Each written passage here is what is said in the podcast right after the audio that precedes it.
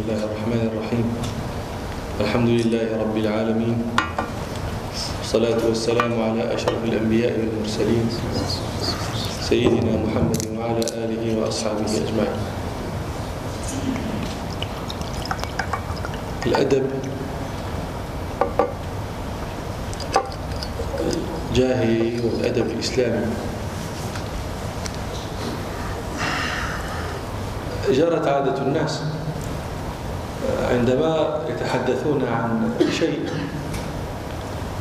جرت عادتهم بتعريف هذا الشيء. فما المقصود بالأدب بالأدب؟ قبل أن يقال ما المقصود بالأدب الإسلامي؟ الأدب الجاهلي الأدب الإسلامي. ما الأدب؟ لا تعريف له. ابن خلدون رحمه الله في المقدمة لما تعرض للأدب قال هذا الفن لا موضوع له ولكن المقصود به عند أهل الشأن ثمرته وثمرته هي الإجادة في المنظوم والمنثور على سنن العرب. فالذي يوصلك إلى هذه الثمرة هو الأدب.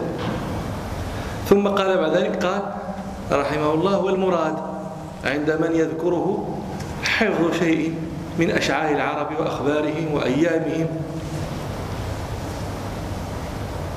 هذا هو الأدب لكن هذا الأدب بهذا المعنى هو في لحظة من اللحظات.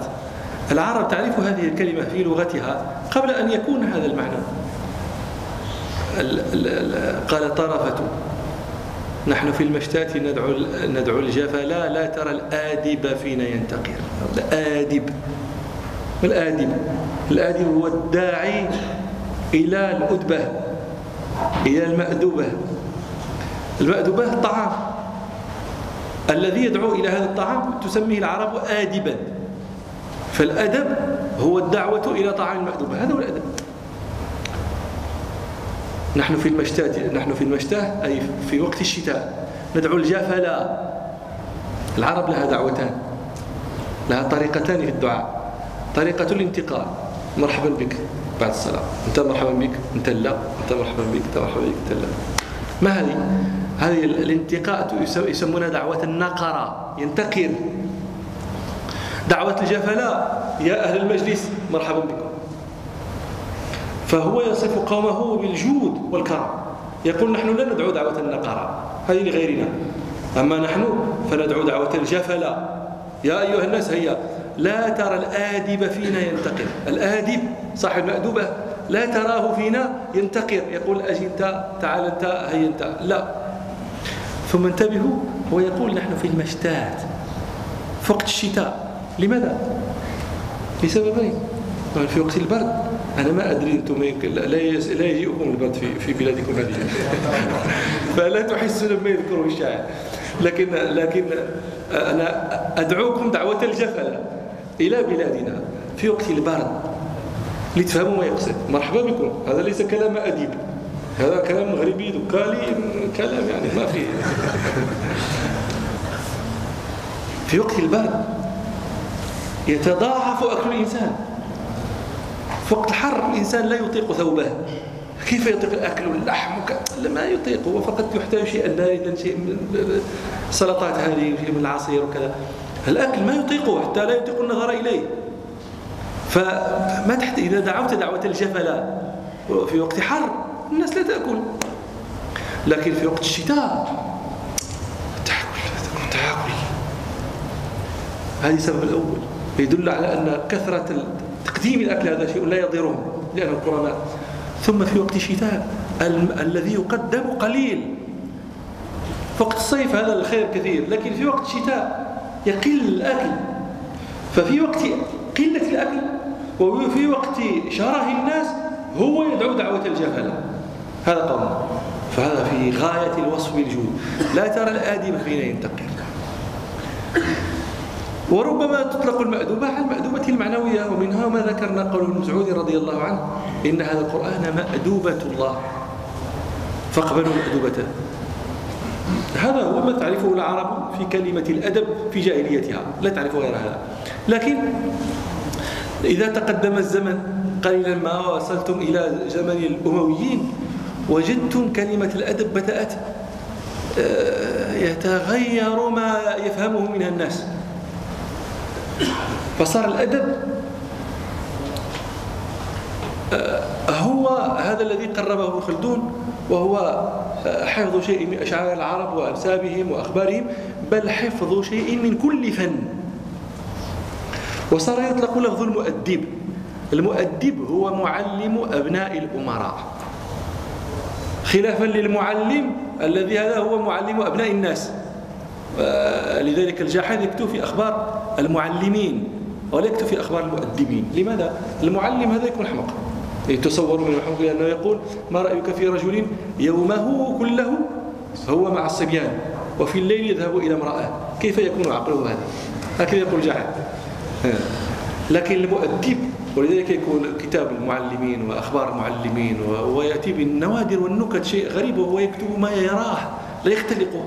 وتكاد تقضي العجب مما يذكره هو. لكن المؤدب هو الذي يؤدب أولاد الخليفة وأولاد الأمراء أولاد وهذا لا يكون في الغالب إلا عالما. كان الأعمش يعلم يؤدب أولاد عبد الملك بن مروان. كان آه، أبو عبيدة قاسم بن سلام مشهور جدا محدث وفقيه ولغوي يؤدب هارون الرشيد كان الكسائي الإمام من أئمة القراءة السبع والإمام إمام أئمة الكوفيين في في النحو يؤدب أبناء هارون الرشيد الأمين المأمون. كان الفراء يؤدب الفراء أنتم تعرفون له من الكتب آه، معاني القرآن مطبوع. يؤدب أبناء المأمون ووقعت له قصة مرة وهو هما يعني كان اثنين ف في مجلس الدرس فأراد الشيخ أن يقوم أكرمكم الله لحاجته. يقوم يحتاج نعله فقام ابن المأمون يتسابقان ليأتي الشيخ بنعله فهذا يريدها وهذا يريدها. فاختصما ثم اصطلحا على أن يحمل كل واحد منهم نعلا وبلغ هذا المأمون. قيل له ألم تر إلى ولديك؟ كيف يتخاصمان في حمل نعل شو فأسرها في نفسه. وفي يوم جمعه مجلس مع المأمون. قال قال المأمون للفراء من أعز الناس؟ قال من رأى أعز الناس أمير المؤمنين. فقال له المأمون بل أعز الناس من يختصم ولي العهد ولي عهد المسلمين في حمل عليه حتى يتفق أن يحمل كل واحد منهم نعلا هذا أعز من أمير المؤمنين أمير المؤمنين لا يصنع به مثل هذا. وصنع بك أنت. فقال المأمون فقال الفراء يا أمير المؤمنين لقد أردت أن أحبسهما.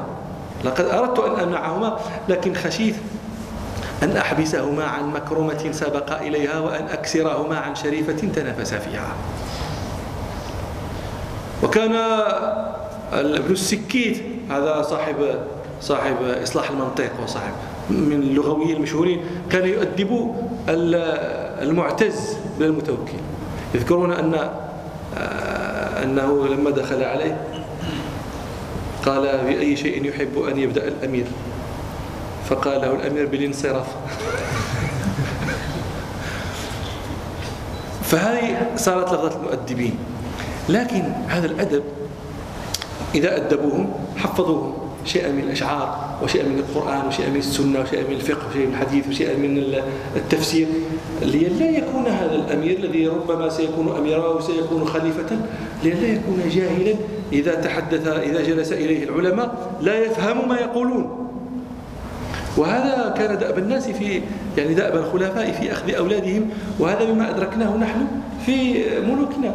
كان لما كان هذا التعليم عندنا تعليما شرعيا محضا في يعني في إلى أوائل القرن العشرين كان كل الملك يلي عاش المغرب يبعث أولاده إلى جهة معروفة عندنا في المغرب يحفظون القرآن يحفظون الأشعار فمنهم من كان يكون عالما ومنهم من كان يأخذ شيئا.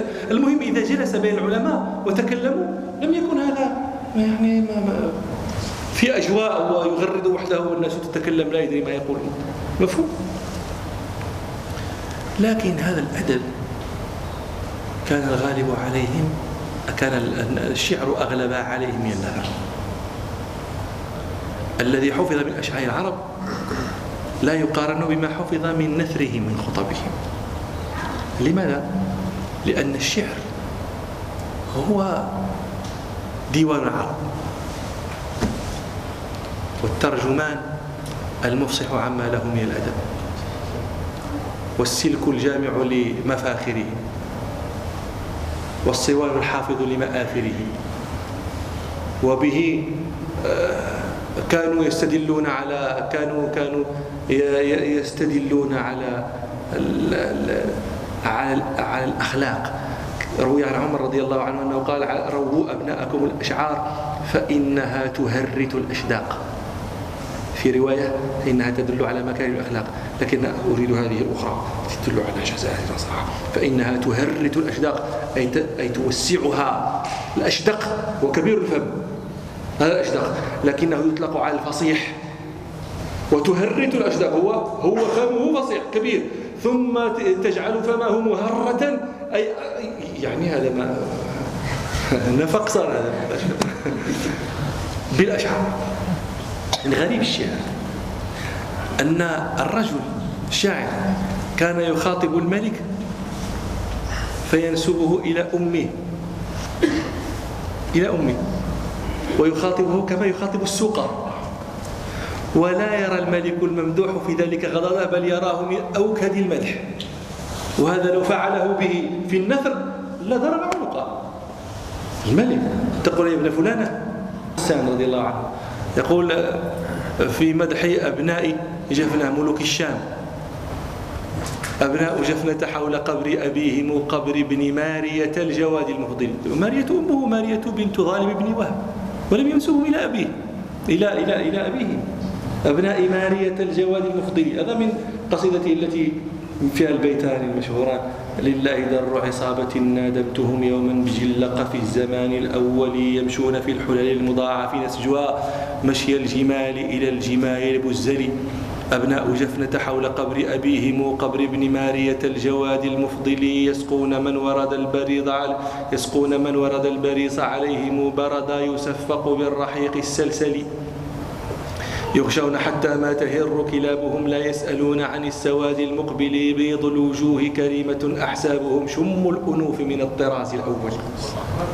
ما شيء. أنها عندما يقول آه، حسان يمشون في الحلل المرفل المضاعف نسجها مشي الجمال إلى الجمال البزل. البزل هذا جمع بازل. الجمل البازل هو الجمل العظيم. ويقول حسان في قصيدة أخرى وابن اللبون. ابن اللبون هو تعرفونه أنتم أهل الإبل أنتم تفسرون لابن اللبون أنا ما أعرفه إلا في الشعر ما أراه في, في الرباط. وابن اللبون إذا ما لز في قرن لم يستطع صولة البزل القناعس. فأقول أنا ماذا يفعل جرير يمدح ملكا يشبهه بجمل.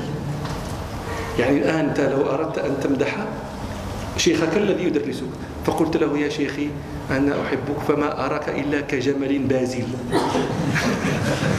ماذا يقول؟ لك يقول سمحك الله. هذا جزائي. بعد أن علمتك كذا تشتمني وتقول أنا جمل. هذا شيخ ما لعله لا تعرفه إلا أنت. فكيف مالك؟ ويشبه بالجمل. والجمل قنعاس جمل بازل. فأنا ما كنت أفهم والغريب أن الملك يسر بهذا المدح. يراه مدحا ويسر به وتروى قصيدة حسان. متى سأفهم ما يريده حسان رضي الله عنه؟ سأكون مرة في حج. والهدي سنشتري جملا وأنا ما رأيت قط قبل في ذلك الوقت جملا ينحر.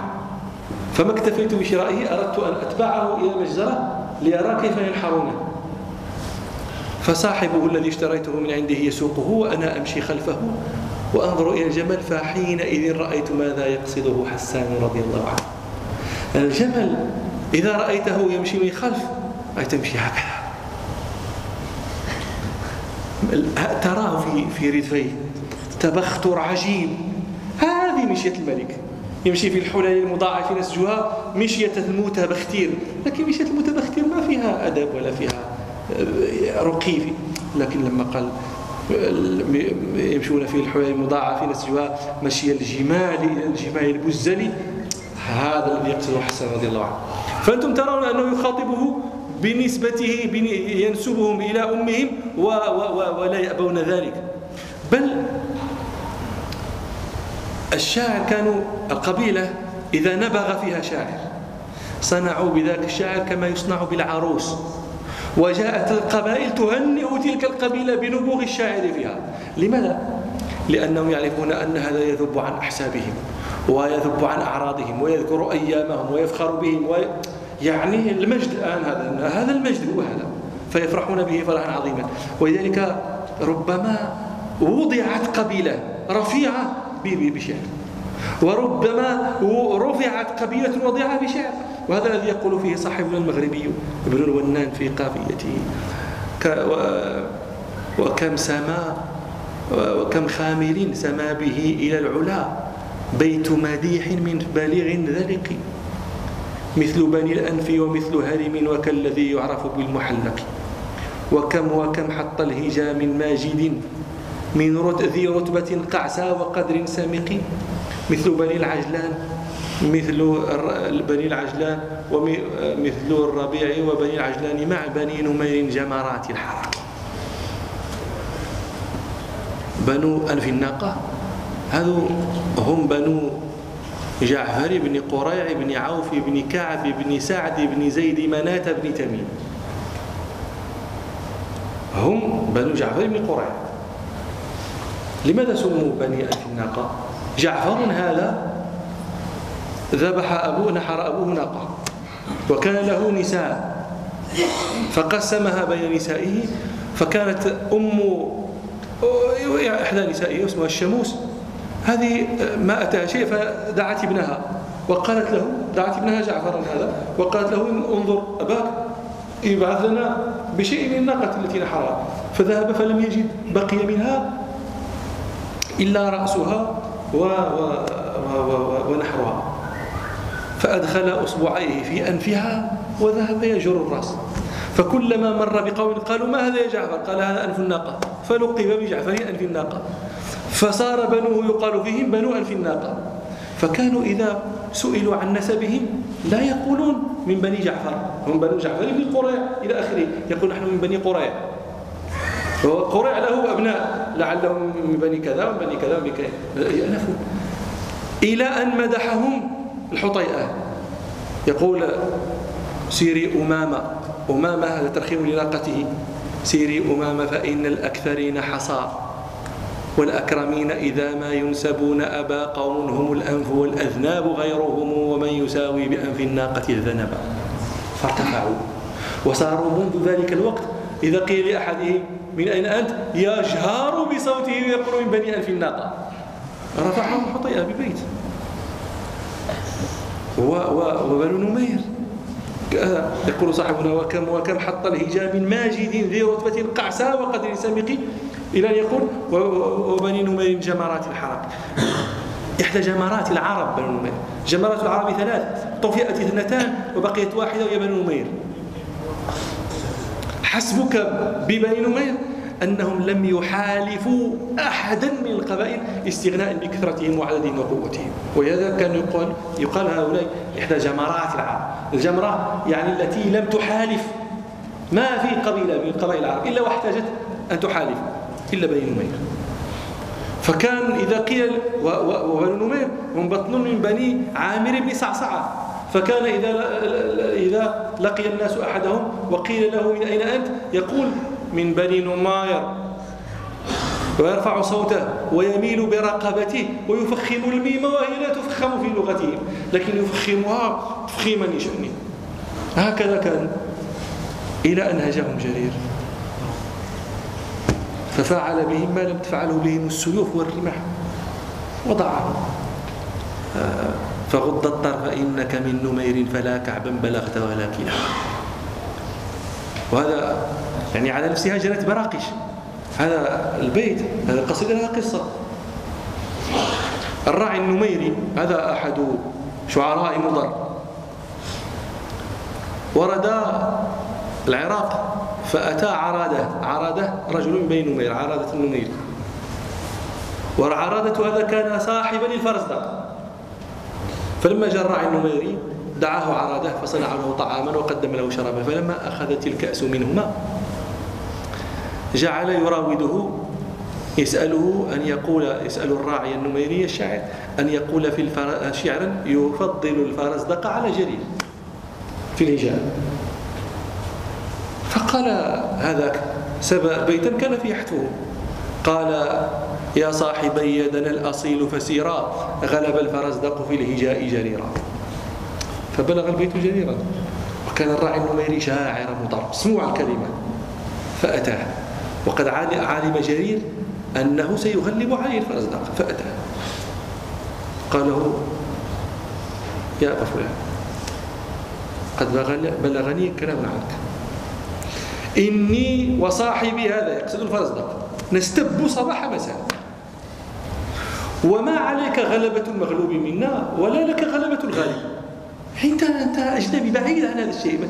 وأنا هذا نستب جلسنا نستب قمنا نستب نمنا نستب استيقظنا نستب. أنت خليك بعيد. فإما أن تتركني وإياه لأنه غلبة الغالب لا تحسب لك. ومغلوبية المغلوب لا تحسب عليك فأنت أجنبي. إما أن تتركني وإياه فإن كنت لابد مغلبا فغلبني أنا لأن أنا الذي أحطب في في في في في, في حبل قيس. فعرف الراعي النميري وجاهة رأي جرير. قال نعم. غدا سأقول في المربد قولا مربد بصرة سأقول قولا يعني آه، أخرجنا من هذا القضية. فلما كان الغد ولقي جرير الراعي النميري وكل منهما يستخرج مقالة صاحبه رأى ابن للراعي النميري رأى أباه يخاطب جريرا فركض فرسه وأتى وقال لأبيه ما لك يراك بنو فلان واقفا على كلب بني بني تميم بني يربوع وضرب ناقة أبيه فضربت جريرا فسقط وسقطت عمامته من فوق رأسه. فقال له جرير أما والله لأثقلن رواحلك. ثم انصرف إلى بيته. ونادى حسينا راويته وقال له زيد في دهن سراجك الليلة وكثر لي الألواح. وجلس. يراود شيطانه في قصيدة. فأتته قصيدة. هي هذه البائية. تسميها العرب ويسماها جرير الدامغة. وتسميها الد... وسمتها العرب الفاضحة لأنها فضحت بني نمير. قصيدة طويلة وفيها بيت مقطع شوية في الفحش أنا ما أستطيع أن أذكره لكم. لكن بقى بقى يعني استمر يكتب فيها يكتب إلى أن وصل. قوله فغض الطرف إنك من نمير فلا كعبا بلغت ولا كلابا. فقال لراويته أطفئ السراج ونم. فرغت منه ثم اضطجع وجعل رداءه بين رجليه وهدر كما يهدر الفحل. وقال أخزيت ابن يربوع شو ابنك فركبوا فرجعوا إلى ديارهم. فسمعوا يعني قبل أن ينزلوا من على رواحلهم سمعوا قائلا يتغنى فغض الطرف البيت سبقهم فغض الطرف إنك من نمير فلك عن بلغت ولا كلابا. هذا أكثر من واتساب. فما زالوا يتشاءمون بالرعي وبه. وصار هذا مثلا إلى درجة أن قال قالوا ترك هذه تركت هذه القصيدة بني نمير في البصرة لا ينتسبون إلى نمير. إذا لقي أحدهم إذا إذا وجد أحدهم فسئل عن نسبه يقول من بني عامر بن صعصع يعني يعلو. إلى جده ولا ينتسب إلى أبيه يذكرون أن جماعة من بني نمير كانوا في البصرة فمرت أمامهم امرأة ذات حسن وجمال. فجعلوا ينظرون إليها. فلما رأت ذلك منهم قالت لهم قبحكم الله يا بني نمير. لا قول الله سمعتم ولا قول الشاعر سمعتم. لم تسمعوا قول الله؟ قل للمؤمنين يغضوا من أبصارهم. ولم تسمعوا قول الشاعر غض الطرف إنك من نمير. يذكرون أن عبدا زنجيا ما يحسن العربية. كان كلما دخل السوق آذاه طائفة من بني نمير يؤذونه. فلما كثر ذلك عليه آه، رجع إلى سياده قال له طائفة من بني نمير. فقالوا له إذا عادوا إليك بمثل ذلك فقل لهم فغض الطرف إنك من نمير فلا كعبا بلغت ولا كلابا فدخل السوق فآذوه آذاه أولئك كما كانوا يصنعون فأراد البيت فلم يذكره. نسي البيت.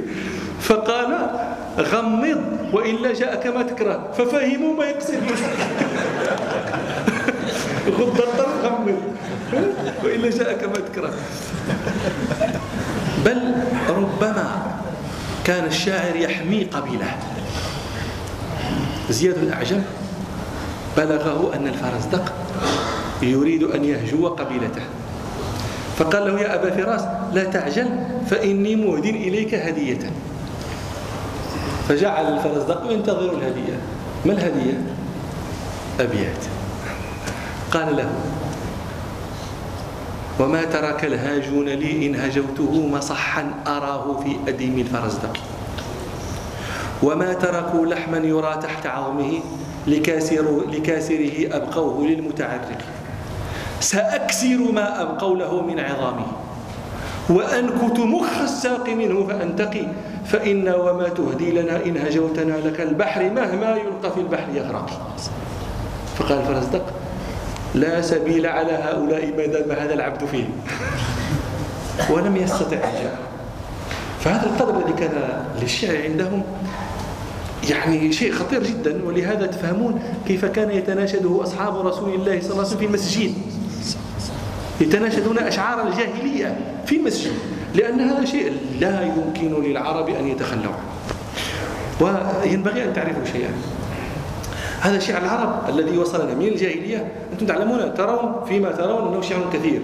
يقول أبو عمرو بن العلاء رحمه الله وهو طبعا أحد أئمة اللغة وأحد أئمة القراءات يقول ما وصلنا من كلام العرب إلا أقله. ولو جاءنا كله ولو جاءنا كله لجاءنا شعر كثير. يعني هذا الكثير الآن هو يقول ما هو إلا أقله. ولماذا؟ لأن العرب شغلهم القرآن. شغلهم الإسلام. فلما حفظ القرآن حفظ القرآن واستقرت النفوس وهدأت رجعوا إلى ما كانوا يحفظونه من أشعار الأولين فذهب أكثرهم. وهذا الشعر هو له أغراض. منهم من يجمعها في خمسة أغراض ومنهم من يجمعها في تسعة أغراض. وهي أغراض يشترك فيها الشعر الجاهلي والشعر الإسلامي. والشعر الإسلامي زاد أمورا. لم تكن أو رقق أمورا كانت. فأذكر لكم ما بعد ما اجتمع فيه الشعر الجاهلي والإسلامي ثم أذكر لكم بعد ما انفرد به النمط الإسلامي. من من الشعر الذي توافق فيه الشعر الجاهلي والإسلامي الأغراض المديح. ومن أشهر المداحين الشعر هو زهير بن أبي سلمى. يمدح هارم بن سنان يقول فيه أبياتا لم يغسلها الدهر.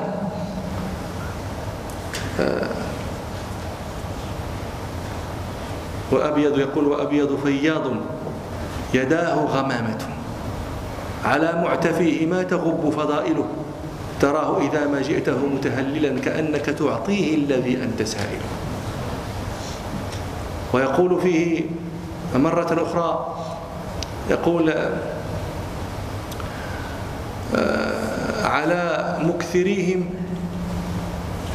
آه، على مكثريهم فضل من يعتريهم وعند المقلين السماحة والبذل. سعى بعدهم قوم لكي يدركوهم فلم يبلغوا ولم ينالوا ولم يألوا. وما يك من خير أتوه فإنما توارثه آباء آبائهم قبل. وهل ينبت الخطي إلا وشيجه وتهرس إلا في منابتها النخل فأقسم هرم هذا أنه لا يمدح بل لا يحييه. زهير تحية إلا أعطاه شيئا ناقة كذا شيء فأجحف ذلك بماله. وزهير كان ذا عفة فصار يأتي القوم وفيهم هرم فيقول عمتم صباحا خلا هرما يعني هرم لا أسلم عليه إبقاء على مالي عمتم صباحا خلا هرما وخيركم تركت.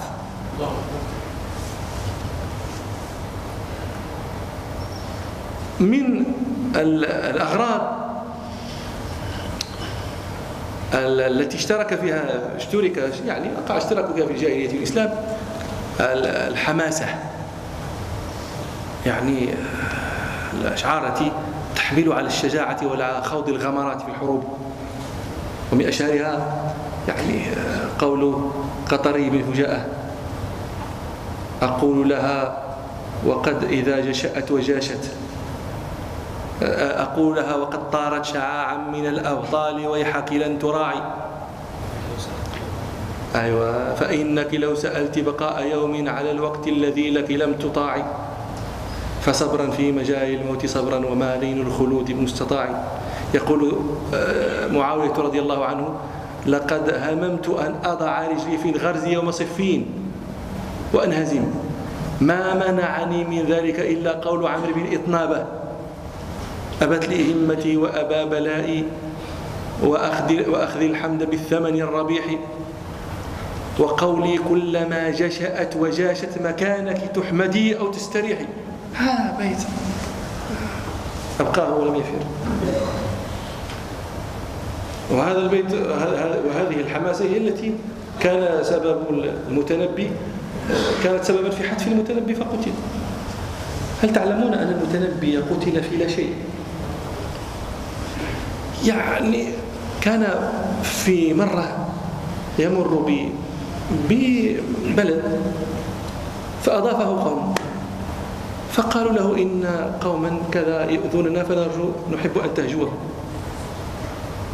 فهجاه لا يعرف القوم ولا يعرف تكريمة. لمن لمن أضافوا؟ كذا كذا ضباه وأمه ترطباه هذا ضبه هو الذي لقيه في سفاه من أسفل أنت قلت كذا. زيق. يعني يا ليت قتل في شيء كذا.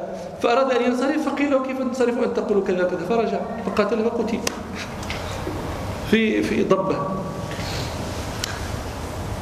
من الأغراض كذلك المراثي. هذه من أشهر المراثي فيها. مراثي متمم. بن نويرة في أخيه مالك بن نويرة التي ودى عمر رضي الله عنه أن يرثي أخاه زيدا بمثل ما رثى متمم أخاه مالكا. قال وددت أني قلت في زيد مثل ما قلت في مالك. فقال متمم لو أن أخي مات على ما مات عليه أخوك ما رثيته؟ يقول لقد لامني عند القبور على البكاء رفيقي لتذرى الدموع السوافك. فقال أتبكي كل قبر رأيته؟ وأنت أخوك. مدفون في آه، في الشام. وأنت تمر بقبر في المغرب. فتبكي هنا في المغرب. قبر أخوك في الشام فين لقد لامني عند القبور على البكاء رفيقي لتذرى في الدموع السوافك. فقال أتبكي كل قبر رأيته؟ وأنت أحمق. كلما رأيت قبرا بكيت قبر أخيك. ليه بعيد؟ بكي عنده هذا قبر ناس لا تعرفون يعرفونه فقال أتبكي كل قبر؟ رأيته لقبر ثوى بين اللواء فالدكادك فقلت له إن الشجا يبعث الشجا فدعني فهذا كله قبر مالك ومن ومما يرثي به أخاه عينيته الطويلة الجميلة الحبة موكية. يقول فيها وكنا كندمان جذيمة حقبة من الدهر حتى قيل لن يتصدعا وعشنا بخير حقبة وعشنا بخير حقبة كذا وقبلنا أصاب المنايا رهط كسرى وتبعا فلما تفرقنا كأني ومالكا لطول اجتماع لم نبت ليلة معا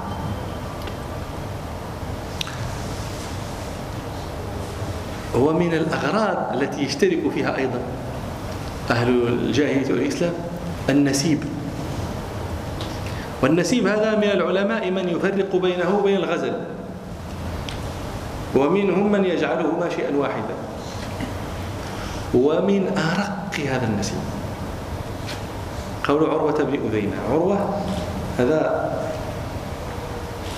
أحد محدثي المدينة وأحد فقهائه.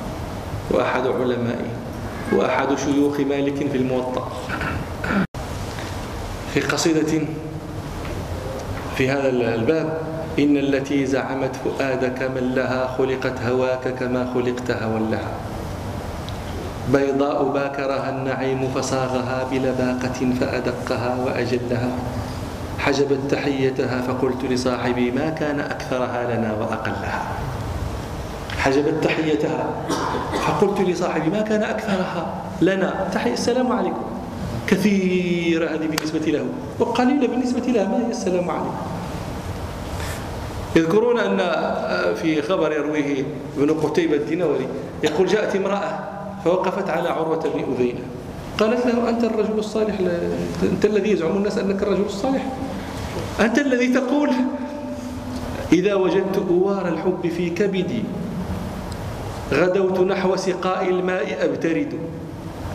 هبني بردت ببرد الماء ظاهره فمن لنار على الأحشاء تتقد. أنت الذي يقال فيه رجل صالح وتقول مثل هذا لا والله ما قال هذا رجل صالح. ابن عبد ربه يروي هذا الخبر.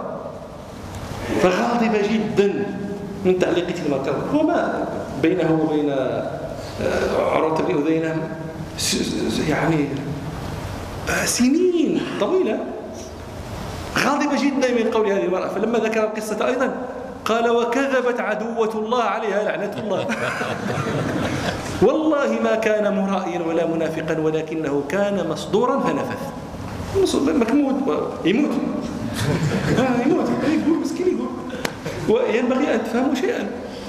عندما تروا عندما ترون هذا الغزل وهذا الكلام في النساء مثلا تذكرون عمر بن أبي ربيعة كيف يحفظ عمر بن عباس شعر عمر بن أبي ربيعة؟ إذا كان فيه المجون وفيه كذا ويتحدث عن فلانة وفلتانة وعلتانة يا حبر القرآن. يا ترجمانه. هذا عمر بن أبي ربيعة كيف؟ عمر بن أبي ربيعة حضرته الوفاة وكان له أخ زاهد معروف جدا. فجاء لما علم أن أخاه في في حشرجة الموت جاء وهو يظهر, ويظهر عليه جزع شديد. فلما رآه عمر قال ما هذا الجزع يا أخي؟ هو يعرف لماذا الجزع؟ وأنت كل شيء يعرف يعني يسوق خنيشا إلى جهنم وتريد لا أجزع. فعلت بكذا وفعلت بفلانة وفعلت بفلتانة ولا أجزع فقال له ألأجل ما قلت في شعري؟ فوالله ما حللت حبوتي على حرام قط. تكة السروال ما حلت على حرم قط. ما يغرنك الشعر كذا وفلانة وفلتانة. كذوب كذوب الشعراء فاطمأن حينئذ أخوه. فلهذا تفهمون العرب تفهم هذا. الشعراء ابن عباس أخبروا الناس بقول ربنا والشعراء آه، يتبعهم الغاوون ألم ترى أنهم في كل واد يهيمون وأنهم يقولون ما لا يفعل.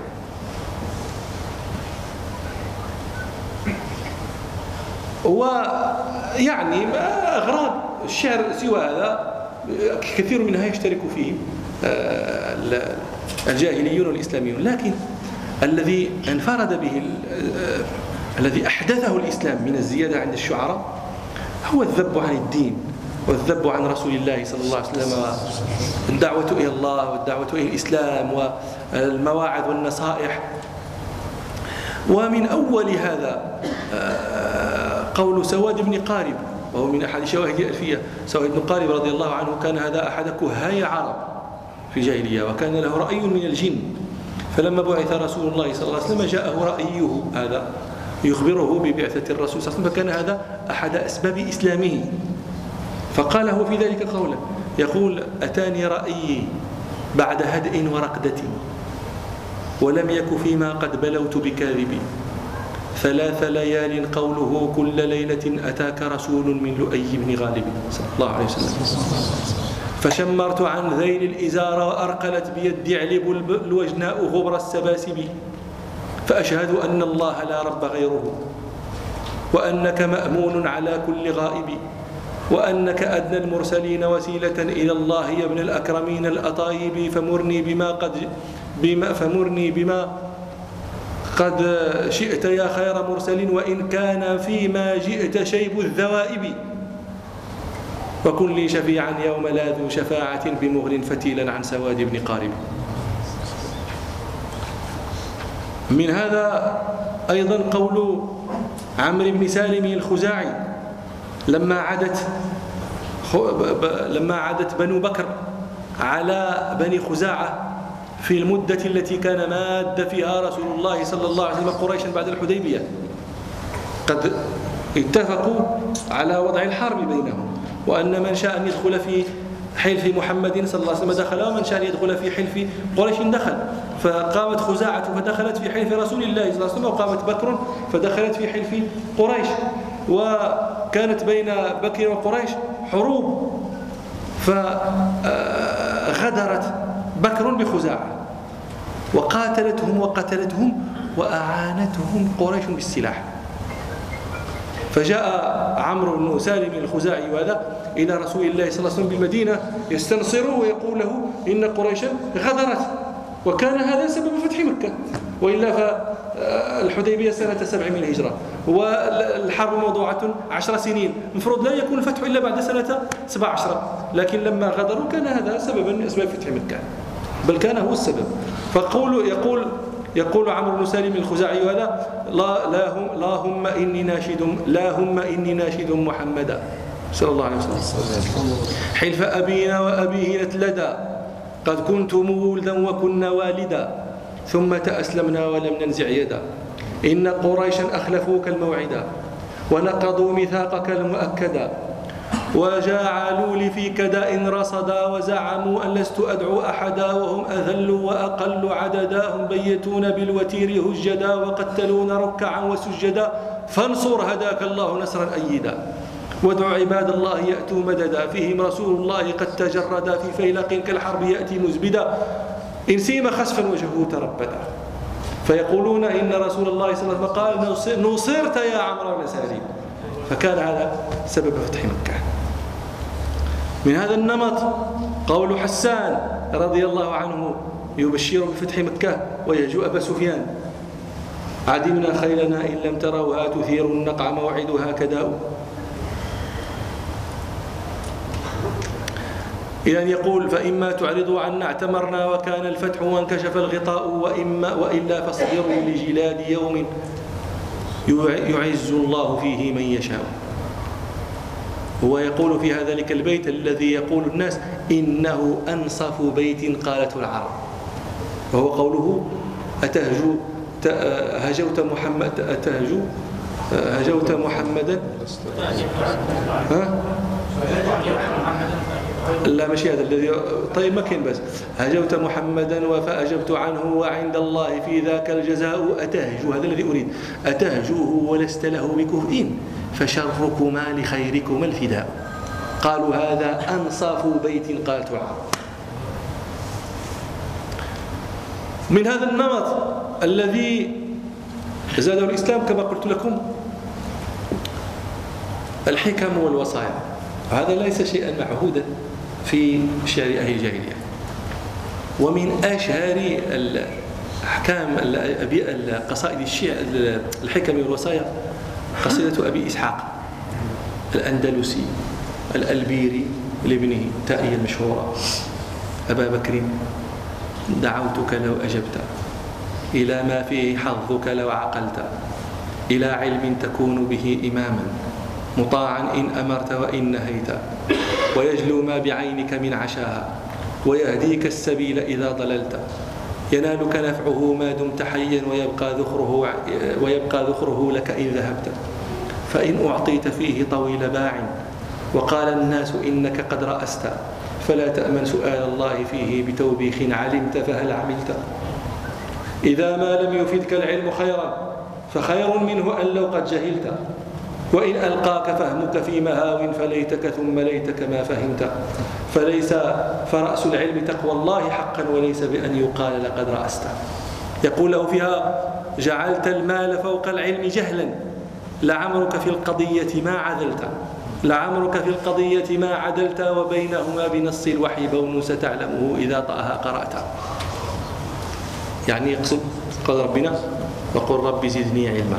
فإن الله تعالى يأمر نبيه بأن يستزيد شيئا إلا العلم.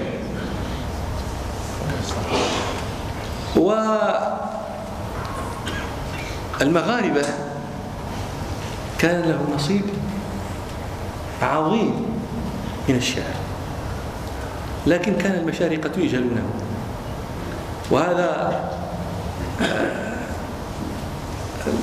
يعني اللوم فيه يعود على من؟ هل يعود على المغاربة؟ أم يعود على المشارقة؟ هذا الكلام فيه للناس يقولون ما يشاءون لكن ممن آه، كشف شيئا مما نبغ فيه المغاربة في الأدب. أحد المتأخرين من كبار علماء المغرب الشيخ سيدي عبد الله قنون رحمة الله عليه. يعني. هذا هذه العائلة عائلة قنون عائلة عريقة في العلم. آخر علمائها عبد الله قنون هذا مات في آه، سنوات التسعين الميلادي. هو عالم وإخوته علماء وأبوه عالم وعمه عالم وجده عالم وأخو جده عالم وسير هكذا. وله قصة عجيبة.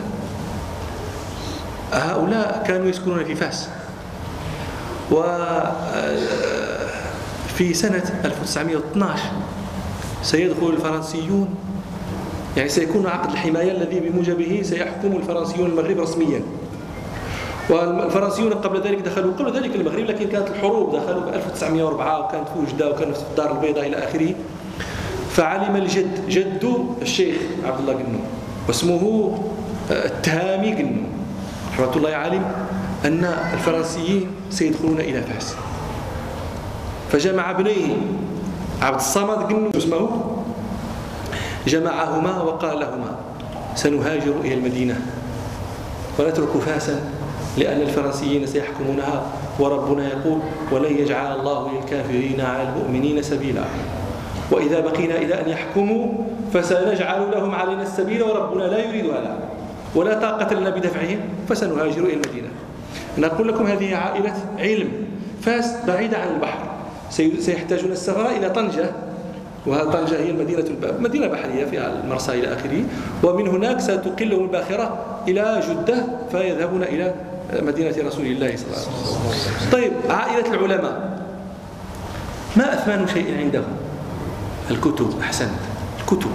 هذا هو ال ال يعني الهم الكبير كيف تنتقل هذه الكتب؟ ذلك الوقت لا سيارات ولا كذا فما هي إلا الأحمال على البغال وعلى أكرمكم الله. المهم حملوا كتبهم. فلما أرادوا مغادرة فاس مرض الشيخ الجد رحمه الله. فلما مرض ما يستطيعون المغادرة والحمل فينتظرون ما يصنع الله به فقبضه الله إليه. مات. فلما مات صمم ولداه, ولداه على أن يهاجرا كما أمر بذلك أبوهما. فنقل النساء والعيال والكتب وكل شيء وانتقلوا إلى طنجة واشتروا التذاكر بما كان معهم من المال التي تنقلهم إلى المدينة. لكن قامت الحرب العالمية الأولى 1914 فانقطعت حركة حركة الملاحة البحرية. البحار غير آمنة. القصف في كل بحر. فجعلوا ينتظرون يعني يقولون اليوم يهدأ الأمور غدا تهدأ الأمور الأسبوع القادم حتى انقضى ما معهم من المال. وما هدأت الحرب إلا بعد أربع سنين. ما عندهم مال لتذاكر أخرى ولكذا. فكان هذا سبب استقرارهم في مدينة طنجة. الغريب في الأمر ما هو؟ أن والد الشيخ كان يدرس في مساجد طنجة. يدرس الموطأ يدرس الترمذي ويدرس صحيح مسلم. فكان إذا بلغ قول رسول الله صلى الله عليه وسلم في حديث اللهم أمضي لأصحابي هجرتهم يقول اللهم أمضي لي هجرتي ويرى نفسه مهاجرا لأنه ما حبسه إلا حبس الفيل وإلا هو فكان يعد نفسه مهاجرا ولم يرجع إلى فاس لأنه لا يجوز للمهاجر أن يرجع في هجرته فلم يرجع إلى فاس إلى أن مات إمضاء لهجرته رحمه الله. ابنه هذا الشيخ عبد الله قنون ألف كتابا اسمه النبوغ المغربي في الأدب العربي. هذا كتاب كل محبي الأدب أنصحه بأن يشتريه. لأنه يكشف لكم عن جانب عندك هذا الظن بك. يكشف آه، يكشف جانبا ما يعرفه الناس ما يعرفه المتخصصون. يستدل به على آه، أن أولئك الناس لهم يد طولى في هذا الباب. فأنا بيانا لهذا الشيء هذا أحب أن أذكر لكم بعد ما أنتجه المغاربة سأذكر لكم ثلاثة آه، مقتطعات من قصائد. أولاهما لأبي علي اليوسي والثانية لعل الفاسي والثالثة لشيخ مصطفى النجار رحمة الله عليه. رحمة الله على الجميع. هذا أبو علي اليوسي كان يقال فيه هو سبكي المغرب. هذا آه، غريب هذا الرجل. هذا شيء يعني ماذا أقول لك هذا أعجوبة من الأعاجيب هذا؟ آية من الآيات هذا. ما يعني ما الكلمات لا تسعف. في وصفه في وصف علمه في وصف يعني عندما تقرأون في التراجم وكان إماما في المعقولات والمنقولات. في علم المعقول والمنقول. هذا الرجل لا يعني شيء لا يطاق. هو ليس بعربي. هو من من من الأمازيغ من البربر.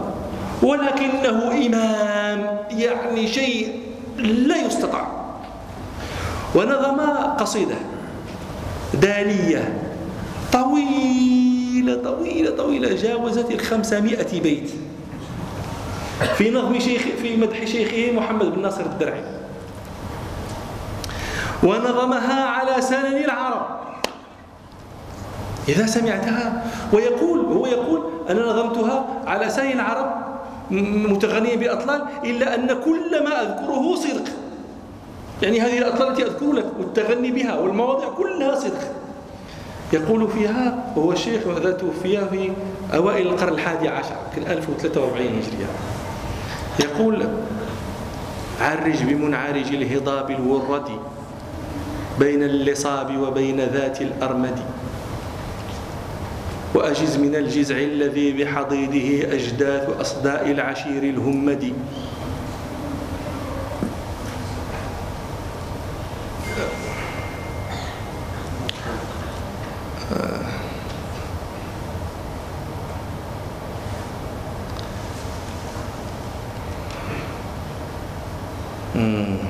لا اله الا الله ما طبعا لا يسعف أحد. نعم سيدي. يا رب يا من. يقول آه، عرج بمنعرج الهضاب الورد بين اللصاب وبين ذات الأرمد وأجز من الجزع الذي بحضيضه أجداث أصداء العشير الهمد آه،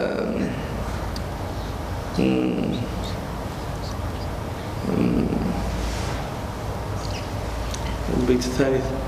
ما يجي طيب إلى يقول آه آه واربع على أي هذا البيت الثالث. الحمد لله جاب الله دعوته يقول واربع على الربع المحيل هنية إن الربوع ربيع قلب الأكمد. و وأفض غروب الدمع وإذا وإذا, وإذا أتيت فحي حي إن هم أذنوا إليك أو المنازل ترددي. آه، قوم عزيز جارهم لكنهم يسلو بهم عن, عن والدين ومولد. من كل ذي شمط جذيل رائش رأيا كسهم في العويص مسدد. وأشم مكتهل كعضب باتر للنائبات أعددته للنائبات مجرد وأفض غروب الدمع في عرصاتها واستنجدا غر الغمائم تنجدي ولا فلعل عبرة ساعة يشفى بها إرباب وجد في الجنان مخلد. يقول وأحزموا يعني عقدوا أحزمتكم لأني أحسب أن الضوء سينطفئ الآن. يقول حتى علي أنا لولا أني يقول فدع المطي يئمن صران الضوى. فدع, فدع المطي يئمن ضران الصوى ويسمن باليسارات خد الأجلد. ويشمن بال ويشمن باللحظات كل مخيل. ويشمن بالثفنات كل مبلد. ويعمن بالملوات عيم ضبابها ويعمن في غمرات آل صيهد ما ما تقول إنه واحد مغربي من القرن الحادي عشر؟ تقول هذا هذا هذا معلقات لا بعد معلقات ثم يقول في مدح شيخه وافيت وال آه، وافيت وال وافيت والبدع الحوادث قد دجت ظلماتها والجهل واري الأزند والدين مطموس المعالم والهدى. بيض الأنوق ولقطة لم تنشد. والسنة الغراء قفر موحش ما فيه من هاد ولا من مهتدي فكشفت جلباب الجهالة عن سنا. آه، ليل لسائمة الضلال مندد. حتى غدت سنن النبي المصطفى صلى عليه الله من هاد هدي. عذبا مشاربها زواهر مضرا تربي على رود على رود الربا مستغرد وهي قد قلت لكم طويلة. الآن هذه القصيدة كانت تحفظ في المحاضر في المغرب في موريتانيا. الآن ما زال الناس في موريتانيا في بعض المحاضر يحفظونها. هذه آه، دالية اليوسي رحمه الله. مما نظمه المغاربة وما زال يحفظ في المغرب وفي موريتانيا آه، قافية ابن الونان. هذا بعد بعد اليوسي ب يعني يمكن نحو 100 سنة. هذا معروف بابن أبي الشمقمق. هو هو ابن الونان. هذا لقبه وكنيته. لكنه اشتهر بابن أبي الشمقمق وكنية ولقب وكنيته أبو الشمقمق. كان من جلساء السلطان أحد سلاطين العلويين. وكان من علمائهم اسمه سيدي محمد بن عبد الله. له كتب مطبوعة في الحديث وفي العقائد يقول آه، هذا كان أبوه يعني نديما للسلطان. فلما مات أراد ابنه أن يفد على السلطان فلم تتركه الحاشية يقرب من السلطان. مشكلة هذه. كيف يصنع؟ فعلم أن السلطان له آه، يوم يخرج فيه. يعني يمشي بين الناس. فلما جاء ذلك اليوم صعد فوق رابية. عالية. ينتظر مجيء السلطان. فلما مر السلطان رفع هذا ابن أبي الشمقمقي صوته جاهرا يقول يا سيدي سبط النبي أبو الشمقمق أبي. فسمعه السلطان فدعا. فلما أتاه أنشده هذه القصيدة قافية طويلة جميلة جدا. وحوت رصيدا أدبيا هائلا بحيث أن أكثر أبياتها إذا لم تكن عالما بالقصة التي يشار إليها لا تفهم ما يقول. يبدأ أيضا على على لسان العرب يريد أن يبين أنه وإن أت به الدار عن جزيرة العرب فلم ينأ به اللسان بل لعله أشد آه، عربية من كثير من أهل الجزيرة. يقول هو مهلا على رسلك حاد الأينق. ولا تكلفا بما لم تطقي فطالما كلفتها وسقتها سوقفة من حالها لم يشفقي. ولم تزل ترمي بها يد النوى بكل فج سملق وما أتلت تذرع كل فدفد أذرعها وكل قاع قارق وكل أبطح وأجرع وجزع وصريمة وكل أبرق مجاهل تحار فيهن القطا. لا دمنة لا رسم دار قد بقي. ليس بها غير السواف والحواصب الحراجيج وكل زحلق والمرخ والعفار والعظاه والبشام والأثل ونبت الخربق والرمث والخلة والسعدان والثغر وثر وشر وسن وسمسق وعش فهمتوا هذا؟ لها شرح. لا هو الله يبارك في ناصر السلوي شرحها شرحا في مجلدين. كبير جدا. عظيم جدا. هذا لو لو لو قدر عليه أحدكم فليعطي فيه أربعين ناقة وليأخذها فهو خير له من النوم. اسمه زهر الأفنان من حديقة ابن الونان. هذا صاحبنا؟ اختصره وأخذ منه لم يشرحه. المهم يقول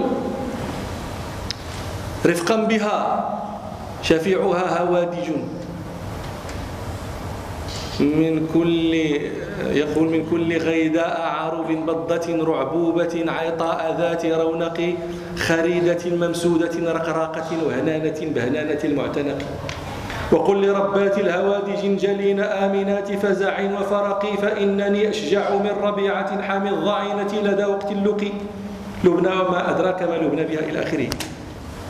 وكلام طويل. ثم نصائح. وحصل العلم وزنه بالتقى.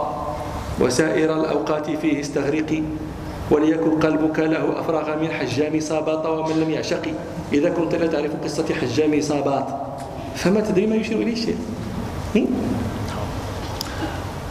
ولا تكن كقوم موسى واصطبر لكده وللملال طلقي وفي الحديث النبوي إن لم تكن كالبي... كمثل البخاري فكن كالبيهقي.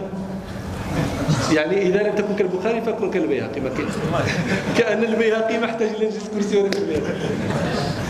ويمضي في يعني في إلى أن يقول مادحا نفسه وهل أنا إلا ابن ونان الذي قربه كل أمير مرتقي؟ أحق من حلي بالأستاذ والشيخ الفقيه العالم المحقق.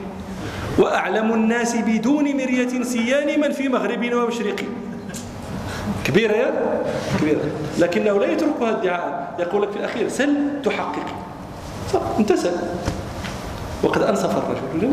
هذا إنصاف طويلة هي وجميلة جدا وهذه ما زالت الناس يحفظونها.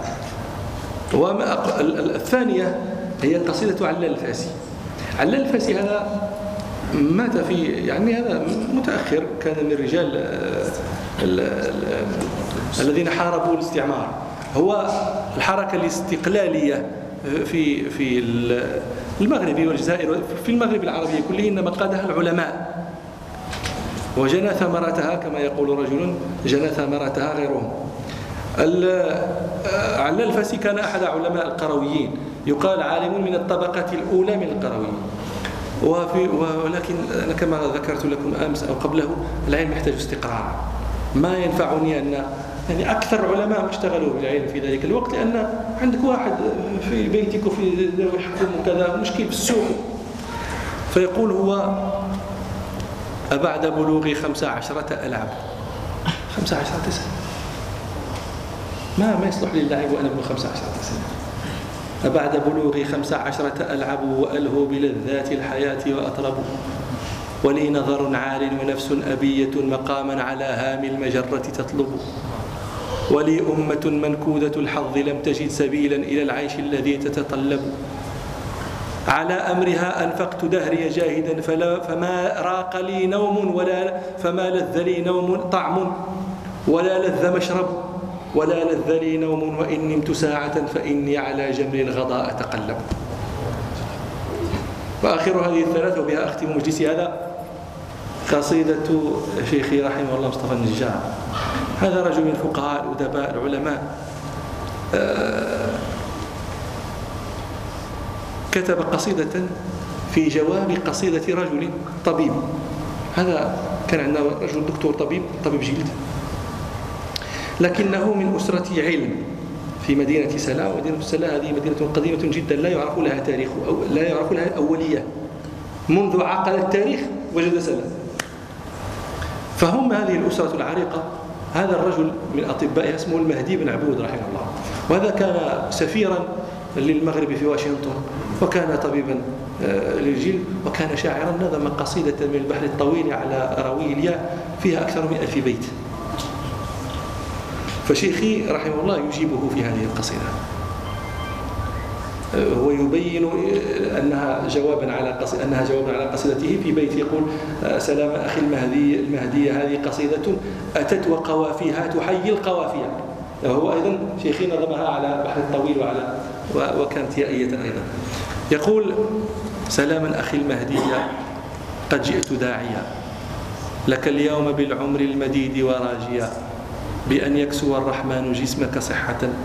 وترفل في ثوب السلامة ضافيا. ويمنحك الوهاب في كل لحظة ويمنحك التوفيق في كل لحظة.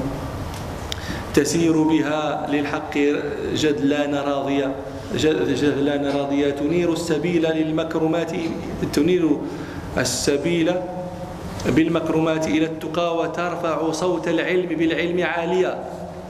فما العيش إلا في ظلال معارف. تزف إلى الإنسان وحيا سماويا. وتحرسه من شر أدواء عصره فقد صارت الأدواء أسدا ضواريا. إذا أنشبت في الجسم جسم ابن آدم أظافرها أردته في الحين فانيا. وما الموت إلا في ظلال جهالة. بها يتردى المرء حيران حيران هاويا. يروم العلا والعلم عنه بمعزل. وهل يعتلي من كان للعلم قاليا؟ أخي مال عن نهج الفضائل معشر وباتوا جميعا يتبعون الأمانية. يوالون في دنيا الحياة خطاهم. آه، ويجرون خلف الماء جريا معاديا فأنساهم حب الدرا فأكسبهم حب الدراهم ذلة وأنساهم حب الفلوس المعالية. أخي ما لصوت الدين أصبح خافتا وما لمجال الدين أصبح ذاويا وما لأيادي السوء تهدم صرحه وتجتث ما قد كان بالأمس بانيا. يعز عليها أن تبصر الدين آمرا ويحزنها أن تبصر الدين ناهيا.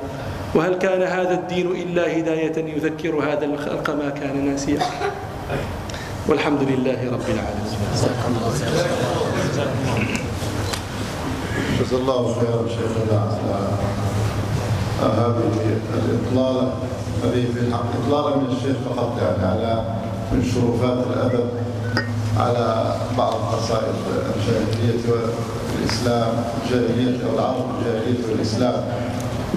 ولقد يسأل سائل وقد كنت أرى الحق آذان الصافي تستمتع بأكل الأترج البارد في اليوم شديد الحر.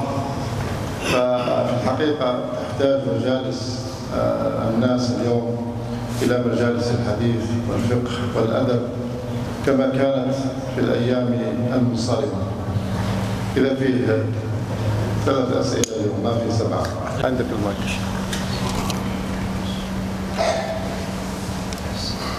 شيخنا طلاب العلم ما رأيك فيهم يهتمون بالعلم للعلم فقط؟ يعني لا يخالطون عامة الناس كأنهم يؤمنون بالله وين رأيك؟ بعد إحنا نحتاج للعلماء وكذا لكن نجدهم يعني في أوساطهم. يكادوا يختلفون ويخرجون للناس الله يحفظك فيك. هو الذي قال تعلمون قوله صلى الله عليه وسلم الذي يخالط الناس ويصبر على أذى. خير من الذي لا يخالط الناس ولا يصبر على أذى. والإنسان أنا دائما لا أحب ذلك الذي يقول أتعلم العلم ل ل يعني لاعظ الناس ولأذكر الناس. أنا هذا لا لا أراه لا لا. أحسب أن الناس لا يتعظون بقوله ولا هو يستفيد بما يقول وأنا دائما أذكر قول مالك رحمه الله تعلمت هذا العلم لنفسي وكذلك كان الناس. فيتعلم العلم لنفسه هو وليعبد ربه هو على بصيرة وهؤلاء كان الله ينفعه بكلامهم الناس. أما الذي يتعلم للناس فلا ينتفع الناس ولا ينتفعه هو لكن كان مالك يخالف الناس. طبعا ما يذكر أنه يعني انعزل عن الناس هذا كان بآخره وإلا فمالك كان يخالط الناس وله المجالس. أنا أقول لكم شيئا. إنك بالمخالطة يقع لك أنت ما يعود عليك بالنفع عليك لا على الناس. يعني مرة يحدثني إنسان قال واحد من رجل شيخ كبير في السن ولعله طالب علم وكذا ذاهب إلى المسجد فرأى شابا جالسا فدعاه يلا هي المسجد. ذاك أكرمكم الله بصق عليه. على وجهه. فذاك مسحها وقال هذه في سبيل الله. وصرف بصق في وجهه لأجل أنه أمر بمعروف هيا إلى الصلاة هذاك تأثر جدا برد فعل ذلك الشيء جدا.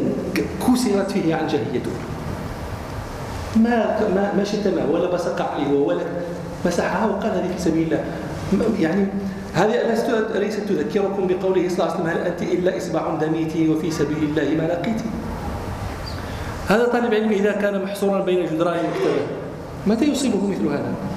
ولا يصيبه حر الشمس في سبيل الله؟ فكيف يصيبه مثل هذا الذي هو زعزعة للشخص مثل هذا؟ يحدثني رجل في الكويت. قوم يريدون بناء بيت بناء مسجد. وبجانب الأرض التي يبنون فيها المسجد بيت رجل من أثرياء الكويت يقول لي هذا لا علاقة لا يصلي ولا كذا ولا كذا. واحد طرق بابه. يريد يعني مساعدة لبناء المسجد هذا ما لا يحب النظر إليك هو يعني يهتم لذلك الأذان الذي سيقض مضجعه وأنت تقول لي أعني على هذا الذي فيه. فجاء خرج صاحب الدار. يقولون قال يحدثني محدثي قال هذا قال لماذا جئت؟ قال نريد منك المساعدة لبناء المسجد قال تريد المساعدة؟ قال قال مد يدك. فمد إليه يده فبصق في يده. قال هاك المساعدة. تدرون ماذا على الرجل؟ قال طيب جزاك الله خيرا هذا لي فماذا لله؟ كسر هذا كسر. ذهب وعطى هذه مواقف تكون يعني أنت تقرأ تدرس تتعلم لنفسك ولكن متى يصيبك هذا في سبيل الله؟ لا تخالط الناس. الله أعلم. جلال تفضلت بذكر بعض الكتب التي فيها من اشعار المغاربه عموما يعني سواء في المغرب أو شبيل أو الجزائر أو تونس. يعني حتى يكون الشباب اطلاع على الأدب المغربي وما أكثر في بعض الكتب يعني تكلمت عنها. الله يبارك فيكم. هو بالنسبة للكتب أنا ذكرت لكم كتاب النبوغ المغربي في الأدب العربي وعندك كتاب نفح الطيب. للمقري هذا كتاب جامع لأشعار المغاربة والأندلسيين وكتاب أزهار الرياض. هذا للمقري أيضا في ترجمة القاضي عياض لكنه خاطب بأشعار كثيرة في المغاربة يعني المغرب الكبير. بالنسبة للمتأخرين جمعت دواوين لبعض العلماء. جمعت ديوان الشيخ طاهر بن عاشور جمع ديوان يعني جمع في مجموعة أعماله جمع شعره جمع شعر الشيخ محمد خضر حسين في مجموعة أعماله. هذان التونسيان بالنسبة للجزائر أحسب أن آثار البشير. أي آثار آثار الشيخ البشير إبراهيم وهي موجودة في خمسة أجزاء. فيها أيضا طائفة المشاعرية والشيخ البشير إبراهيم هذا أحد أحد من تفاخر الجزائر بهم الأقطار لأن آه، كان شيخا فقيها أديبا عالما. رحمة الله عليه وهو من من من جمعية العلماء الجزائريين التي كانت برئاسة الشيخ حميد بن باديس رحمه الله. الموريتانيون هذول الآن أنتم أدركتموهم. يعني آه، الآن الموريتانيون يعني الذين تدركون منهم وتسمعون منهم وتبلغكم أخبارهم منهم هكذا كانت أقطار المغرب العربي كله. بل أنا أقول لكم كان الموريتانيون يأتون إلى آه، مراكش عند الخليفة. ثم لما آه، انتقل العاصمة كانت العاصمة إما فاس وإما مراكش. وموريتانيا في التاريخ كانت تابعة للمغرب. فكانوا يأتون. ما, ما يعني ما يتصور أن أن الموريتاني يبقى في موريتانيا في ذلك الوقت طبعا لا تسمى موريتانيا لا يبقى في صحرائه هناك. وهو يأنس من نفسه النبوغ ولا يريد إلى بلاط الملك الذي كان في فاس أو في مراكش فلذلك كانوا يأتون ويقر لهم المغاربة. يقرون لهم. من من من المغاربة اللي يقروا ولا سيما الفاسيون. هذا الشيخ أبو علي اليوسي جاءه جاء يعني الفاسيون ما لأن فاس هذه عدد العلماء الذين أخرجت لا, لا يحيط به عدد. فلكن لقربنا من أوروبا. وتوغل الاستعمار فينا توغلا كبيرا آه، وأول شيء يفعله الاستعمار هو القضاء على التعليم.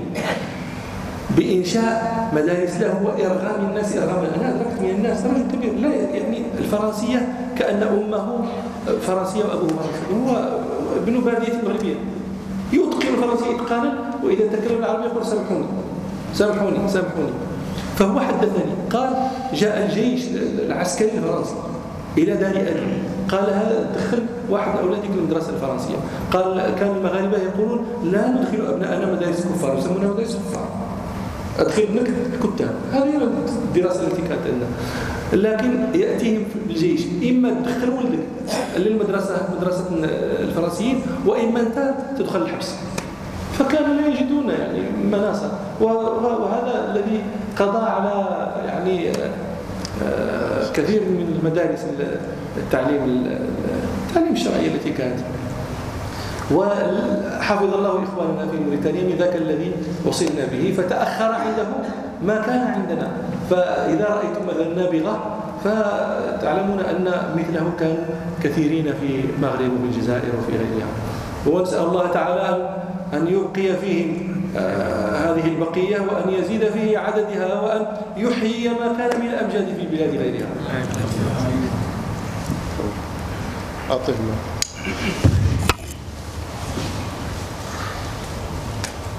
أزرق الأزرق. معلش فرصة ثانية. أراك افتح افتح المايك. فيه زر تحت. أيوه. أراك الشيخ ما في صوت. ما في صوت. أيوه. اراك في أكثر المحاضرات الشيخ المجال أي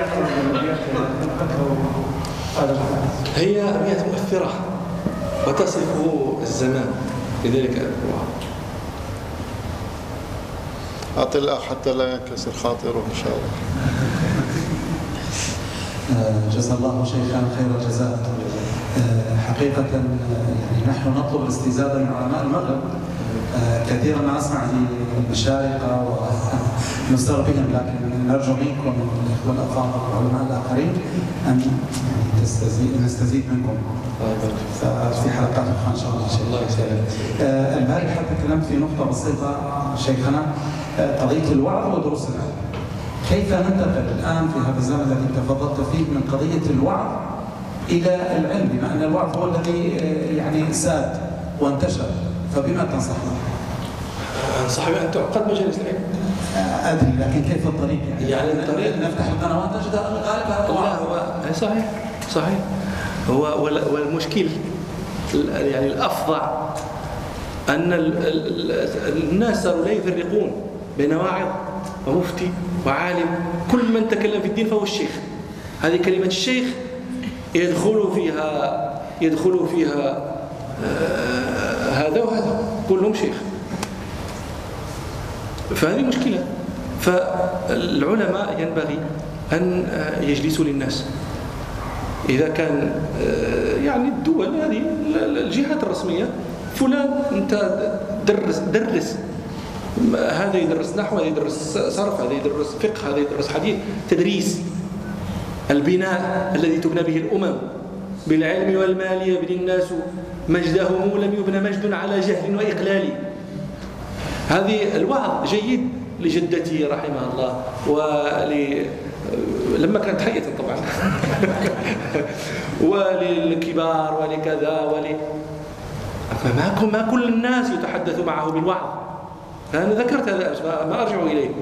لكن العلم به تبنى ولا يقول لي خايف لا والله أنا موظف في كذا أنا أستاذ في كذا أنا مهندس في كذا. يعني حديث رواه ابن حبان حديث خطير خطير خطير. ينبغي المرء أن يسعى جاهدا أن يخرج منه وألا يصدق فيه. فقد حدث النبي صلى الله عليه وسلم عن صفة من الناس من أمته. يقول آه، عالم بأمر الدنيا جاهل بأمر الآخرة. هذا دكتور هذا دكتور في الرياضيات. المفروض هنا آه، micro process ما هو مثل الناس؟ هذا دكتور في الهندسة هذا دكتور كذا هذا تاجر في كذا. فإذا غلط في صلاته لا يدري كيف يصلح وعظه لعله لا يعرف كيف يغتسل من الجنابة. المرأة لا تدري كيف تغتسل من الحيض. وربما تحدث في وقت ويجب عليها أصلا أنه يجب عليها قضاؤها. عالم بأمر الدنيا جاهل بأمر الآخرة حمار بالنهار جيفة بالليل. حمار بالنهار مهما يقف من سير جي سير جي سير جي اعمل كذا. وبالليل جيفة ما يتحرك. ما كيف يتحرك وهو اليوم كله؟ هذا ما يخافش من الانسان لا يخاف. أنا تخاف. يصدق فيك أنك أنت عالم بأمر الدنيا جاهل بأمر الآخرة. فلا يعني لابد لكل مسلم أن يحصل قسطا ما من العلم ولو جزء ما يصح يعني يقيم به عبادته. صلاته وضوءه صيامه إذا كان من أهل الزكاة زكاته. لابد هذه الأمور. ما يسهل في الناس على كل حال أنا أشير الشيخ أن هنا في مراكز علمية بفضل الله عز وجل أقامتها إدارة الدعوة مشكورة في بعض المساجد كجامعة اللي عند دوار الفروسية في جامع في التحيل في جامع في الوكرة. الواحد يسأل لابد أن يسأل عن هذه المساجد التي فيها مراكز علمية ويخصص له متنا يبدأ به على الأقل يبدأ بفرائض العين التي تلزم ليلا ونهارا. آه، وهذا موجود أيضا مشايخ في مساجد كثيرة. يعني بعض المشايخ فتح دروس في التفسير والفقه وكذا لكن ما يقعد عند أحد. الناس مشغولة بالدنيا ما مشغولة بالعلم. العلم شيء ثقيل بالتالي ما يكون عند العالم نشاط حتى يقدم ما عنده. يجد الناس يفرون. فلذلك نصح أيضا في جامع الكبير جامع محمد بن عبد الوهاب يوميا فيه درس تقريبا يوميا في الفقه في التفسير في العقيدة في يتعلم الإنسان. على كل حال نشكر شيخنا على هذه الدعوة التي لباها ونسأل الله سبحانه وتعالى أن يرفع درجته في عليين وأن لا يحرمنا من علمه وأن يأتينا مرارا وتكرارا. ونسعى نحن في المسجد إن شاء الله بإذن الله أن نستضيف أيضا بعض المشايخ المغبورين المغمورين يعني عند الناس هنا. ما شاء الله ليس مغمور عند رب العالمين. كما قال أنت لست كاسدا عند الله. فنستضيفهم إن شاء الله بإذن الله عز وجل. وقد وعدني الشيخ أبو حسن جزاه الله خير محمد بن حسن بن عبد الرحمن وإخوانه. وأهله أن طبعا هم الذين استضافوا الشيخ وقدموا كل ما في وسعهم. لكن أريد أن أذكر سبب مجيء الشيخ. الشيخ أبو حسن حفظه الله. أنا كنت أسميه مجنون سعيد. فوجدت مجانين كثيرة الحمد لله بالخير. حتى اشتريت هذا من حبي له جزاك الله خير. اشترى الجلابة من أجل جزاك الله خير. نعم. وهذا دليل الحب في الحقيقة. أنت تحبه لله ولعلمه ولما يعطيه من التربية والتزكية. فإن قلت تعالما فهنيئا لك. بس تقلد ميسي وبليسي و. يعني نعوذ بالله من ذلك. فالشيخ أبو حسن أعجبه الشيخ والأشعار وهو يحب الشعر. فقال عندي أمنية أنني ألتقي بالشيخ. آه نعم إحنا كلنا عندنا الأمنية لكن كيف تحققت هذه الأمنية؟ الحمد لله هذا كان سببها فقلت له لعل الله ييسر ذلك. فكنا في مزدلفة بالحج هذا حج 1436 وفي زحام مزدلفة بعد صلاة الفجر وأنتم تعرفون ذلك الزحام. وأنا أمشي وألتفت يميني فإذا بالشيخ. نعم. وكان معه أخ الشيخ عبد الله المرحب جزاه الله خير. فقلت له السلام عليكم ورحمة الله. شيخ سعيد. قال لي من سعيد؟ سعيد طبعا ما كنت ضابط الكمالي هذه بصراحة ما أدري إيش قلت له. لا أظن قلت له الكمالي كان يصححها يعني. وكان محرما لك ان يصححها لانها لا تنقض الإحرام. فقلت له والله فيه سلمت عليه وعرفته بنفسي. طبعا كان الشيخ يعرفني من خلال كتاب العرف الناشر. فقلت له أنا فلان. قال لي أنا أعرف اسمك لكن ما أدري في أي. رأيت في كتاب شيء كذا إلى آخره. ففرحت بهذا اللقاء وسررت من فضل الله عز وجل. فقلت له في أحد الشيوخ يحبك كثيرا ونحن نحبه أكثر ممكن منه ولكن صدق النية له إن شاء الله وتعلقه بالشيخ قلت له يريد أن يدعوك إلى الدوحة. فقال إن شاء الله إذا يسر الله الأمر سنستجيب لهذه الدعوة بالفعل دعونا شيخنا الله يحفظه وتجشم هذه النشاط وترك أعماله وأهله. وجاء إلينا إلى هذا البلد فنشكره شكرا جزيلا ونشكر الإخوة الذين استضافوه وإن شاء الله يعيدنا الشيخ بجولات إن شاء الله تكون في دورات علمية ما فيها أدب ما فيها شعر لا لازم الشعر اي هذا إذا أنا قلتها أنا ما تصدق ابدا لابد أن يكون الشيخ ما شاء الله يعني إذا وهذا هذا الذي علق الناس بالشيخ. في الحقيقة الشيخ كونه ما شاء الله تبارك الله يحفظ كثير من الشعر آه، العالم كيف يخرج الناس كما يقولون من نكد الفقه وجفافه لابد ان ياتي بطرائف. ومن قرأ عن الأعمش وغيره من علمائنا رحمه الله يجد الأعاجيب في يعني بظرافتهم وكياستهم وكنت أريد أن أسأل الشيخ ماذا لو قال أحد الفقهاء بيت عروة في هذا الزمان؟ كيف يكون التجريح فيه؟ سيكون شديدا من بعض الناس. لأنهم لا يعرفون يعني ظرافة الفقهاء وعلمهم وأدبهم وكثرة ما يتعلقون به من هذا الأمر. فنسأل الله سبحانه وتعالى أن يوفقنا وإياكم جميعا لما فيه رضاه وأن يجعل هذا المجلس لله سبحانه وتعالى وأن لا يجعل فينا ولا منا ولا معنا شقيا ولا محروما. وأدعو الشيخ أن يدعو لنا إن شاء الله ونحن نؤمن على دعائه. جزاكم الله خير الله يبارك فيكم لكن قبل هذا أحب أن أقول أنا آه، فعلا تركت ناسا أحبهم في بلدي لكن إلى ناس أحببتهم في هذا البلد أيضا. فلم أغبن في الرحلة. وقبل هذا كتب لي آه، الدكتور عادل فتحي رياض هذه الأبيات فأحب أن تسمعها. تفضل سيدي.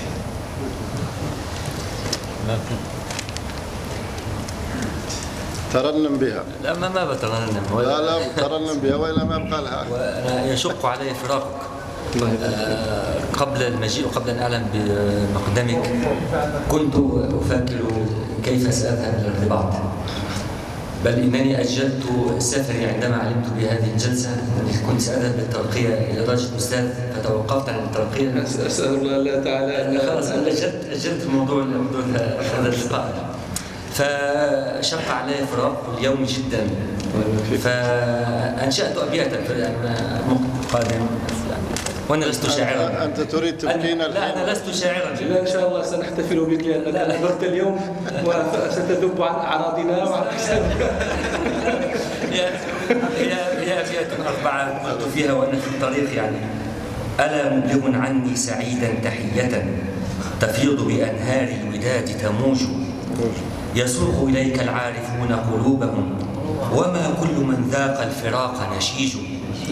جميل ببسط الوجه يبرق سنه. حبيب إلى قلب العلوم ولوج. وقل للذي أضنى الفؤاد بعاده كفاك من الفيحاء منه أريج. تفضل الله شكر الله جزاك الله خير بارك الله فيك. وأكيد كثير من الإخوة لو فتح كثير الباب لكثير من الإخوة من الشعراء والأدباء لكن ربما سنجعل في المستقبل منتدى أدبي. فيفيض كل واحد بما شاء وفتح الله عليه إن شاء الله. تفضل. اللهم لك الحمد كما ينبغي لجلال وجهك وعظيم سلطانك اللهم لك الحمد أنت قيام السماوات والأرض فيهن لك الحمد أنت رب السماوات والأرض فيهن ولك الحمد أنت الملك انت أنت الحق وقولك حق ووعدك حق ولقاؤك حق والجنة حق والنار حق. والنبيون حق ومحمد صلى الله عليه وسلم حق. اللهم إنا نسألك بنور وجهك الذي اشرقت به الظلمات وأصلح عليه أمر الدنيا والآخرة. أن تغفر ذنوبنا وأن تهدي قلوبنا تستر عيوبنا وان تفرج كروبنا وأن تصلح أولادنا وأن تجعل التقى زادنا وأن تحقق مرادنا وأن تشفي مرضانا في ساعتنا هذه أجمعين. اللهم احرسنا بعينك التي لا تنام واكنفنا بركنك الذي لا يضام واجعلنا في جوارك الذي لا يرام. وارحمنا بقدرتك علينا فلا نهلك وانت رجاؤنا. فكم من نعمة أنعمت بها علينا قل لك عندها شكرنا. وكم من بلية ابتليتنا بها قل لك عندها صبرنا. فيا من قل عند نعمه شكرنا فلم يحرمنا. ويا من قل عند بليته صبرنا فلم يخذلنا ويا من رآنا على الخطايا فلم يفضحنا. يا ذا المعروف الذي لا ينقضي أبدا ويا ذا النعم التي لا تحصى عددا. نسألك أن تصلي على محمد وعلى آل محمد وبك ندرا في نحور الأعداء والجبارين ونعوذ بك من شرورهم. اللهم أعنا على ديننا بالدنيا وعلى آخرتنا بالتقوى. واحفظنا فيما غبنا عنه ولا تكلنا إلى أنفسنا فيما حضرناه. يا من لا تضره الذنوب ولا ينقصه العفو. هب لنا ما لا ينقصك واغفر لنا ما لا يضرك إنك أنت الوهاب. اللهم اهدنا فيمن هديت وعافنا فيمن عافيت وتولنا فيمن توليت واصرف عنا شر ما قضيت فإنك تقضي ولا يقضى عليك إنه لا يعز من عاديت ولا يذل من واليت. تبارك ربنا وتعاليت. اللهم اجز كل من كان سببا في هذا الجمع. اجزه خير الجزاء. اللهم اجزه بما أنت أهله لا بما هو أهله وهو أهل لكل خير يا رب العالمين. اللهم لا تدع لنا ذنبا إلا غفرته ولا هما إلا فرجته. ولا دينا إلا قضيته ولا حاجة لنا فيها رضا ولك فيها لنا فيها خير ولك فيها رضا. إلا يسرتها وأعنتنا على قضائها فإنك تجبر الكثير وتغني الفقير وتهدي السبيل. اللهم اجعل هذا البلد آمنا مطمئنا وسائر بلاد المسلمين. اللهم ارفع عن المسلمين القتل والهرج والفتن. اللهم أبدلنا بحال خير من هذا يا رب العالمين. اللهم أرنا في أعدائك يوما تشفي به صدور قوم المؤمنين وتقر به أعينهم يا رب العالمين. اللهم صل على محمد وأزواجه وذريته كما صليت على آل إبراهيم وبارك على محمد وأزواجه وذريته كما باركت على آل إبراهيم إنك حميد مجيد. والحمد لله رب العالمين.